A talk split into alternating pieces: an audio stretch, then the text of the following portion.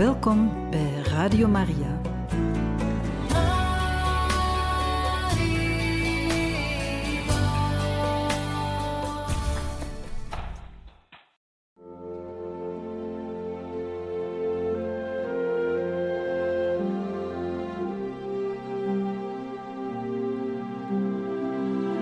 Beste luisteraars van Radio Maria, welkom bij het programma Catechismus. Een overweging bij de geloofschat van de kerk.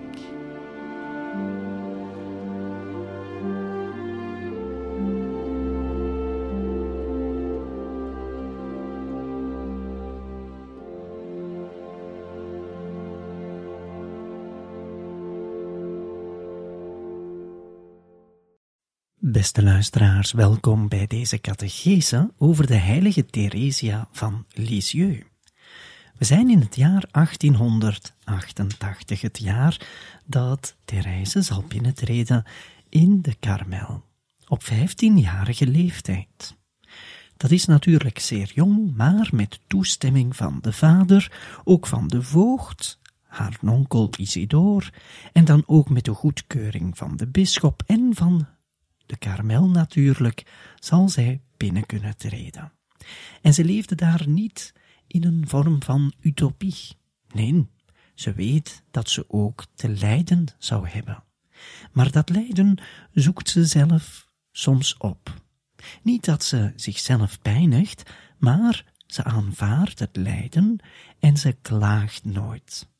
Een dag zonder lijden voor een karmelites, zo zegt ze, is een dag dat verloren is.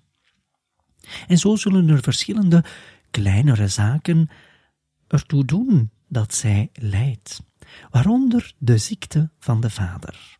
Die vader die zo geliefd is geweest door de dochters, al de dochters, wel zal binnenkort ziek worden. Zeker wanneer ook Céline, de tweede jongste dochter, zal zeggen dat ze een roeping heeft en zal willen binnentreden in de karmel. De vader zal een vorm van depressie hebben. En er wordt ook gezegd op een bepaald moment dat hij zoals een kind wordt. Ook de fysieke gezondheid zal niet zo denderend zijn. En de dochters gaan ongerust zijn. Ze zullen met de hele karmel bidden en dit de ganse zomer. Het is ook in die tijd dat Therese zal vragen om binnengelaten te worden in het noviciaat. De tijd van het postulaat, het begin dus, het leren kennen van de gemeenschap, is voor Therese bijna gedaan. Ze vraagt dus ingekleed te worden en binnen te treden in het noviciaat. Ze schrijft naar de bisschop en de bisschop aanvaardt het. Maar omwille van de gezondheidstoestand van de vader zal er gevraagd worden om het een beetje uit te stellen. Want het zou zeer mooi zijn, moest de vader aanwezig zijn bij de inkleding van Therese. En dat zal dus iets later gebeuren. Maar op 15 november, wel, schrijft Therese een brief aan haar vader. En daarin zegt ze het volgende. Geliefde koning, wat is de goede God toch goed dat hij je beter heeft gemaakt? Ik verzeker je dat je koninginnetje zwaar gekweld was, en met reden, want je bent heel erg ziek geweest. Heel de karmel heeft voor je gebeden. De goede God heeft tenslotte dan ook naar onze smeekbeden geluisterd, en hij heeft mij mijn koning teruggegeven. Maar weet je, lief vadertje, nu de goede God heeft gedaan wat wij hem vroegen, nu is het jouw beurt om ons blij te maken. Het weeskind van de Berezina komt je daarom vragen om jezelf goed te verzorgen, zoveel als nodig is. Je weet dat de onverschrokkene nummer twee daar verstand van heeft. De onverschrokkene, wel, dat is een bijnaam die meneer Martin aan Céline had gegeven. Zij schreef namelijk op 31 oktober 1888, de dag waarop meneer Martin zijn aanval kreeg. Eén keer heeft hij me zo in goed omhelst en noemde me zijn onverschrokkene. Céline is dus de onverschrokkene nummer twee, want nummer één was Marie. En Therese gaat verder. Daarom vraag ik je om rekening te houden met haar, om je te laten verzorgen zoals nodig zal zijn. Je koninginnetje is altijd bij je in haar hart. Hoe zou zij ooit haar goede koning kunnen vergeten? Bovendien schijnt het me toe dat de genegenheid nog groter is, indien dit nog kan, wanneer men zo geleden heeft. Tot ziens, lieve koning, en zorg vooral goed voor jezelf om je koningin plezier te doen. We zien hier natuurlijk een grote liefde van Therese naar haar vader toe, maar ook een bezorgdheid, ook al is hij genezen. En het was wel degelijk zo. Op 31 oktober had de vader, meneer Martin, Louis Martin, een aanval gehad. En daarvan is hij genezen. En dit vanaf 15 november. Maar natuurlijk zal meneer Martin zich nog goed moeten verzorgen. En Therese zal dit vragen als zijn koningin. In haar autobiografie zal Therese veel later over deze episode van haar leven en van de zieke vader het volgende zeggen. De kleine bloem, zijzelf, die nu was overgeplant op de karmel, zou zich gaan ontplooien in de schaduw van het kruis. De tranen en het bloed van Jezus werden haar dauw en haar zon werd zijn aanbiddelijk gelaat, versluierd door tranen. Tot dan toe had ik de diepte niet gepeild van de schatten die verborgen liggen in het heilig aanschijn. Door uw lieve moeder heb ik die leren kennen. Net zoals u vroeger ons allemaal bent voorgegaan naar de karmel, zo bent u ook als eerste doorgedrongen in de liefdesgeheimen die verborgen liggen in het gelaat van onze bruidegom. Toen hebt u mij geroepen en ik heb begrepen. Ik heb begrepen wat de waarachtige glorie is. Hij, wiens rijk niet van deze wereld is, toonde mij dat de ware wijsheid bestaat in onbekend te willen zijn en voor niets geteld, in zijn vreugde te vinden in het verachten van zichzelf. Ach, ik verlangde dat mijn gelaat net als het gelaat van Jezus, helemaal verborgen zou zijn, dat niemand op aarde mij zou herkennen. Ik had dorst naar lijden en vergeten worden. Vol barmhartigheid heeft de goede God mij geleid. Nooit heeft hij mijn verlangen naar iets laten uitgaan, zonder het mij te geven. Zijn bittere kelk leek mij dan ook verrukkelijk na de stralende feesten van mei, de feesten van de professie en de sluierneming van onze lieve Marie, de oudste uit ons gezin, die de jongste mocht kronen op de dag van haar verloving, en wat was die daar gelukkig mee, moest de beproeving ons weer komen opzoeken. In de maand mei van het jaar tevoren was papa getroffen geworden door een aanval van verlamming in de benen. Wij waren toen erg ongerust. Maar het sterke gestel van mijn lieve koning haalde het weer en onze angst ging over. Toch merkten wij tijdens de reis naar Rome herhaaldelijk dat hij gauw moe werd en niet meer zo vrolijk was als anders. Wat mij vooral opviel, was de vooruitgang die papa maakte in de volmaaktheid. Naar het voorbeeld van Sint Franciscus van Sales had hij zijn aangeboren prikkelbaarheid zozeer leren beheersen dat het net was alsof hij de zachtmoedigste mens van de wereld was. De dingen van deze aarde schenen hem nauwelijks te beroeren. Hij kon zich gemakkelijk schikken in de moeilijkheden van het leven, en de goede God gaf hem vertroostingen in overvloed. Tijdens zijn dagelijkse bezoeken aan het heilig sacrament kwamen de tranen hem dikwijls in de ogen en zijn gezicht ademde dan een hemels geluk.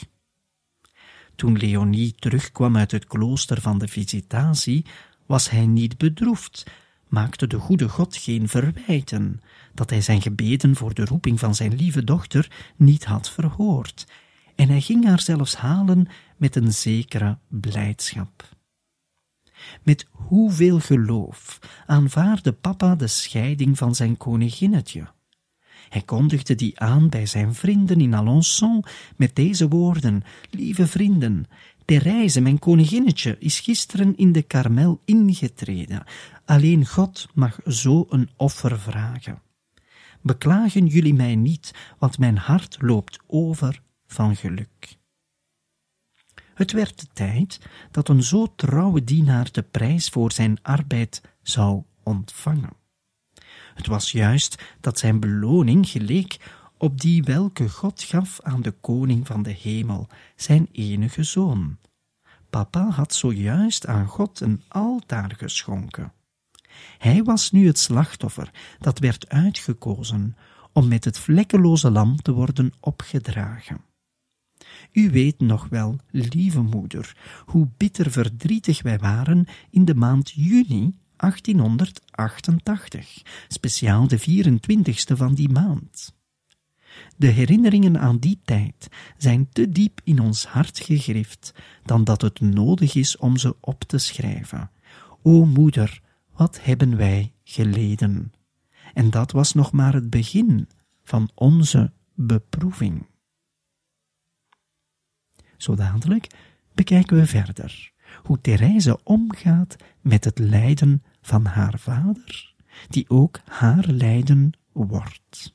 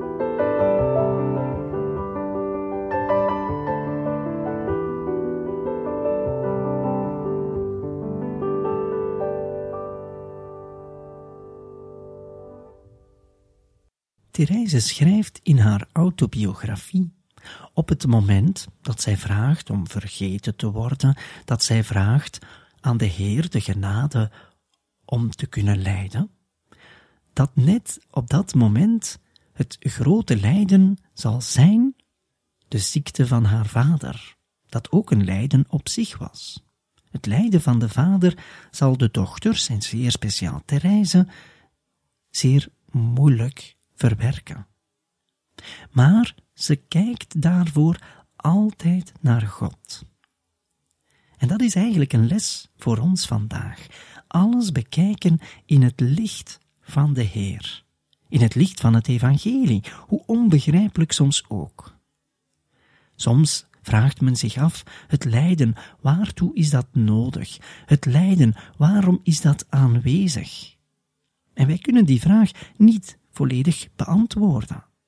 Maar als we kijken naar God, dan zien we dat God zelf in zijn Zoon heeft geleden, zijn kruis heeft gedragen, dat zijn aangezicht vol was met tranen omwille van ons.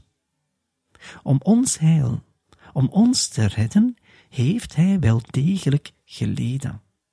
En het is net in dat lijden dat Therese troost zal vinden, om zo haar eigen lijden, als ook het lijden van haar vader, aan de Heer op te dragen, om zich te vereenzelvigen met Jezus. En dat is haar grote bekommernis. Het in haar leven mogelijk maken om zich volledig te vereenzelvigen met Jezus. En dat blijkt uit haar geschriften, dat blijkt uit haar brieven. De aardse bezorgdheid is er altijd en is niet slecht. Maar die aardse bezorgdheid draait zij om om het vanuit het goddelijke te zien, vanuit het grote mysterie. En zoals het lijden een mysterie is, zo zal zij dat lijden niet verafschuwen, maar eerder omhelzen door het op te dragen aan de Heer. En zoals reeds eerder gezegd, zal meneer Martin, Louis Martin, genezen vanaf 15 november 1888. Het is dan ook vanaf dat moment dat Therese zich zal kunnen voorbereiden om het habijt te ontvangen. We lezen even wat ze daarover schrijft in haar autobiografie. Intussen was het tijdstip aangebroken dat ik zou worden ingekleed. Ik werd toegelaten door het kapittel. Maar hoe zou men daar een plechtigheid kunnen van maken? Er werd al over gesproken om mij het kloosterkleed te geven zonder mij die dag buiten het slot te laten gaan, toen men besloot nog wat te wachten. Tegen alle verwachting in herstelde papa van zijn tweede aanval en monseigneur, de bisschop, stelde de plechtigheid vast op 10 januari. Het wachten daarop had lang geduurd, maar wat een prachtig feest werd het dan ook. Er ontbrak niets aan, niets, zelfs niet de sneeuw. Ik weet niet of ik u al verteld heb hoeveel ik van sneeuw hield. Toen ik nog heel klein was, vond ik dat wit al zo prachtig. Een van mijn grootste genoegens bestond erin om te gaan wandelen als het sneeuwde. Hoe kwam het toch dat ik zo dol was op sneeuw? Misschien omdat ik een winterbloemetje was. En de eerste tooi waarmee ik als kind de natuur versierd zag, haar blanke mantel moet geweest zijn. Ik had dus altijd gehoopt dat de natuur op de dag van mijn inkleding, net als ik, in het wit getooid zou zijn.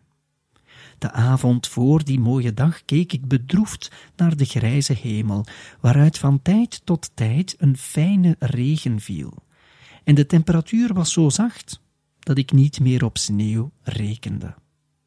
Zanderdaags was de hemel niet veranderd.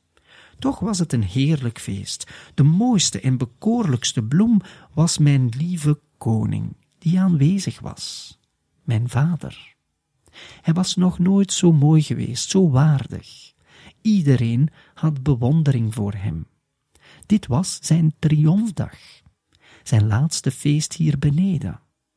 Hij had al zijn kinderen aan de goede God gegeven, want Céline had hem over haar roeping verteld. Hij had gehuild van blijdschap en was met haar meegegaan om diegene te bedanken die hem de eer bewees al zijn kinderen naar zich toe te halen. Aan het slot van de plechtigheid van de inkleding zette monseigneur het Te Deum in. Een priester probeerde nog duidelijk te maken dat dit gezang alleen maar gezongen werd bij de professie. Maar de aanhef was gegeven en de hymne van dankbaarheid werd helemaal tot het eind toe voortgezet. Moest dit feest niet helemaal voltooid zijn, omdat alle andere feesten daarin besloten lagen? Nadat ik een laatste maal mijn lieve koning omhelst had, ging ik terug naar het slot. Het eerste wat ik in de kloostergang zag, was mijn kleine roze Jezus, die mij toelachte te midden van bloemen en kaarsen. En daarna viel mijn blik meteen op de sneeuwvlokken. De binnentuin was even wit als ik. Wat een fijne attentie van Jezus. Hij voorkwam het verlangen van zijn kleine verloofde en gaf haar sneeuw. Sneeuw. Bestaat er een mens, hoe machtig ook, die sneeuw uit de hemel kan laten vallen om zijn welbeminde te bekoren? Misschien hebben mensen in de wereld zich deze vraag wel gesteld. Zoveel is zeker dat de sneeuw tijdens mijn inkleding hun een klein wonder toescheen en dat de hele stad er verbaasd over stond. Men vond dat ik er een vreemde smaak op nahield door van sneeuw te houden. Des te beter. Dat liet nog meer de onbegrijpelijke toegeeflijkheid uitkomen van de bruidegom der maagden, van hem die houdt van lelies die even wit zijn als de sneeuw. Monseigneur kwam na de plechtigheid nog binnen. Hij was voor mij vol vaderlijke goedheid. Ik geloof wel dat hij er trots op was dat ik in mijn opzet geslaagd was. Hij zei tegen iedereen dat ik zijn dochtertje was. Iedere keer als zijn hoogwaardigheid na dit grote feest terugkwam, was hij even attent voor mij. Ik herinner mij vooral zijn bezoek ter gelegenheid van het eeuwfeest van de heilige Johannes van het Kruis. Hij nam mijn hoofd in zijn handen, bewees mij allerlei liefdevolle attenties. Ik had nog nooit zoveel eer ondervonden. Tegelijkertijd deed de goede God mij denken aan de liefkozingen waarmee Hij mij eens wil overladen in het bijzijn van de engelen en de heiligen. Daarvan gaf Hij mij een zwakke voorafbeelding in deze wereld. De troost die ik hierdoor ondervond, was dan ook heel groot. Zie daar de getuigenis van Therese over haar eigen inkleding. En we leren nog iets extra erbij. Namelijk dat Therese wel degelijk van de natuur houdt, dat wisten we, maar niet zozeer alleen maar van de natuur, maar zeer speciaal van sneeuw. En het is ook niet zonder reden omdat sneeuw zo wit is, zo zuiver. Natuurlijk, zegt zij zelf, waarschijnlijk hield ik van sneeuw omdat ik in de winter geboren ben. Maar het gaat ook over die zuiverheid, over die schoonheid. En vele mensen vonden dat waarschijnlijk heel raar dat zij van sneeuw hield. Vandaag zijn er misschien ook nog mensen die dat raar vinden. Maar voor Therese is het niet raar, integendeel. En Jezus zal die attentie geven op de dag van haar inkleding. Op 10 januari 1889, de dag van haar inkleding, zal zij wel degelijk sneeuw ontvangen. De zuiverheid van Therese wordt daardoor in het licht gesteld door Jezus zelf, Jezus de bruidegom. Zo dadelijk bekijken we nog eventjes in detail wat er met Therese is vergaan tussen de dag van haar intreden, 9 april 1888, en de dag van haar inkleding op 10 januari 1889.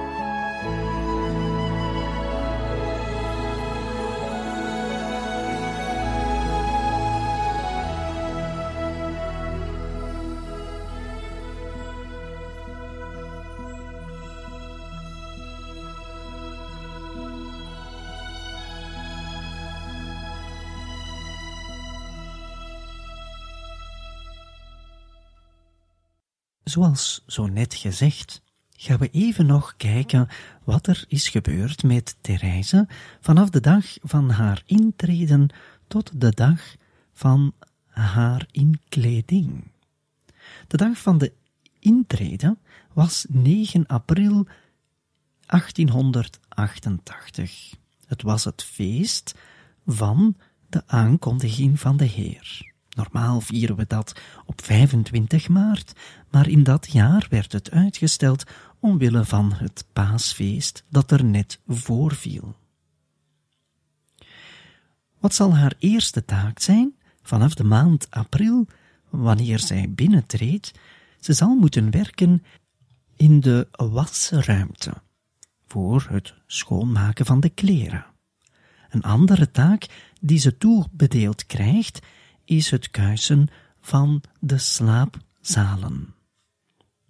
We moeten misschien ook zeggen dat op de dag van de aankondiging van de Heer, de dag van de intrede van Therese in de Karmel, dat haar zus Céline gevraagd wordt om te trouwen door een jongen die later, door de weigering van Céline om te trouwen, zelf priester zal worden. We hebben dit reeds in een vorige aflevering van deze catechese vermeld. Maar het is dus in die tijd dat Céline echt de keuze maakt om voor Jezus te gaan leven en dit dan ook bekend zal maken aan de Vader. Op 22 mei van het jaar 1888 is er in het Karmelklooster een groot feest, want het is de professie van zuster Maria van het Heilig Hart. Dit is de oudste zus van Therese. De tweede, die is binnengetreden in de Karmel van Lisieux. Zij zal geprofest worden op 22 mei 1888. Van 24 tot 28 mei wordt er een retraite gepreekt. Het is tijdens dat moment dat de vijftigste verjaardag gevierd wordt van het klooster van Lisieux, gesticht in 1838. Op het einde van deze retraite, op 28 mei, zal Therese een volledige biecht spreken bij de predikant Pater Pichon. Op 21 juni zal Therese een toneelstuk spelen met andere zusters van het klooster in de Karmel. Natuurlijk een gesloten toneelstuk voor de gemeenschap van Lisieux en van de Karmelzusters. En daarin speelt zij de rol van de heilige Agnes. De heilige Agnes, een kleine martelares uit het Rome van de eerste eeuwen van het christendom. En dit is voor het feest van zuster Maria van Gonzaga. Wat kunnen we nog vermelden? Wel, na de zomer, tussen 8 en 15 oktober, zal zij wederom deelnemen aan een retraite. Deze keer een retraite gepredikt door pater Blino, een pater Jesuit. En het is op 25 oktober 1888 dat de bisschop de goedkeuring zal geven dat zij ingekleed wordt. Die inkleding, zoals reeds eerder vermeld, zal een beetje verlaat worden omwille van de gezondheidsperikelen van de vader Louis Martin. Over Louis Martin kunnen we het volgende ook nog vermelden.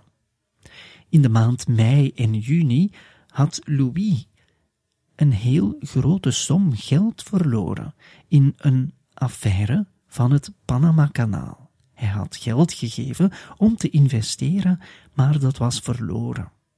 Het is niet daardoor dat Louis zal ziek worden. Zijn ziekte was reeds aanwezig.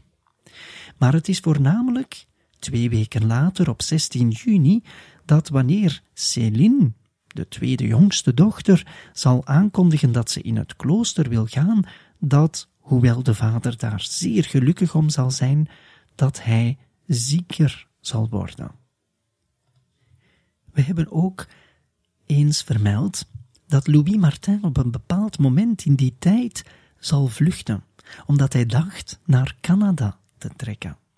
Dit gebeurt in 1888 tussen 23 juni en 27 juni. Het is op 27 juni dat Louis terugkomt. Vanaf dat moment zal hij voornamelijk ziek worden. Op 12 augustus is een zware dag. Dan krijgt Louis Martin een zware aanval. Nogmaals op 31 oktober. Maar in de maand november, 15 november, wordt gezien als datum, zal Louis op een wonderbaarlijke wijze hiervan genezen. In de maand december is er ook nog te vermelden dat Louis een speciale gift zal doen van 10.000 franken op dat moment voor een altaar dat hij zal laten bouwen in de kathedraal Saint-Pierre van Lisieux. Dat altaar is nog altijd aanwezig. Louis Martin, zo weten we, heeft heel veel gegeven aan de kerk, heeft heel veel gegeven aan de karmelitessen, aan het karmelklooster in Lisieux. En zo gaat het jaar stilletjes voorbij en belanden we in 1889. Op 2 januari wordt Therese 16 jaar. En enkele dagen later, een week later, is er het habit dat zij zal ontvangen. En het is ook vanaf die dag dat zij zal toevoegen aan haar naam, haar naam was Theresia van het kindje Jezus, wel dat zij zal toevoegen ook van het heilig aanschijn. De heilige Theresia van Lisieux is eigenlijk de heilige Theresia van het kindje Jezus en van het heilig aanschijn. 10 januari in kleding van Therese in de karmel van Lisieux. En ook nogmaals herhalen dat het op die dag gesneeuwd heeft in Lisieux, ook al was het weer eigenlijk iets te warm voor die tijd van het jaar en was er geen verwachting van sneeuw, Therese zal het ontvangen. Zij ziet het als een geschenk gegeven door haar bruidegom Jezus Christus. Beste luisteraars, we zijn aangekomen aan 10 januari 1889 en het is vanaf die dag dat het noviciaat voor Therese zal van start gaan. Daarover in een volgende uitzending meer.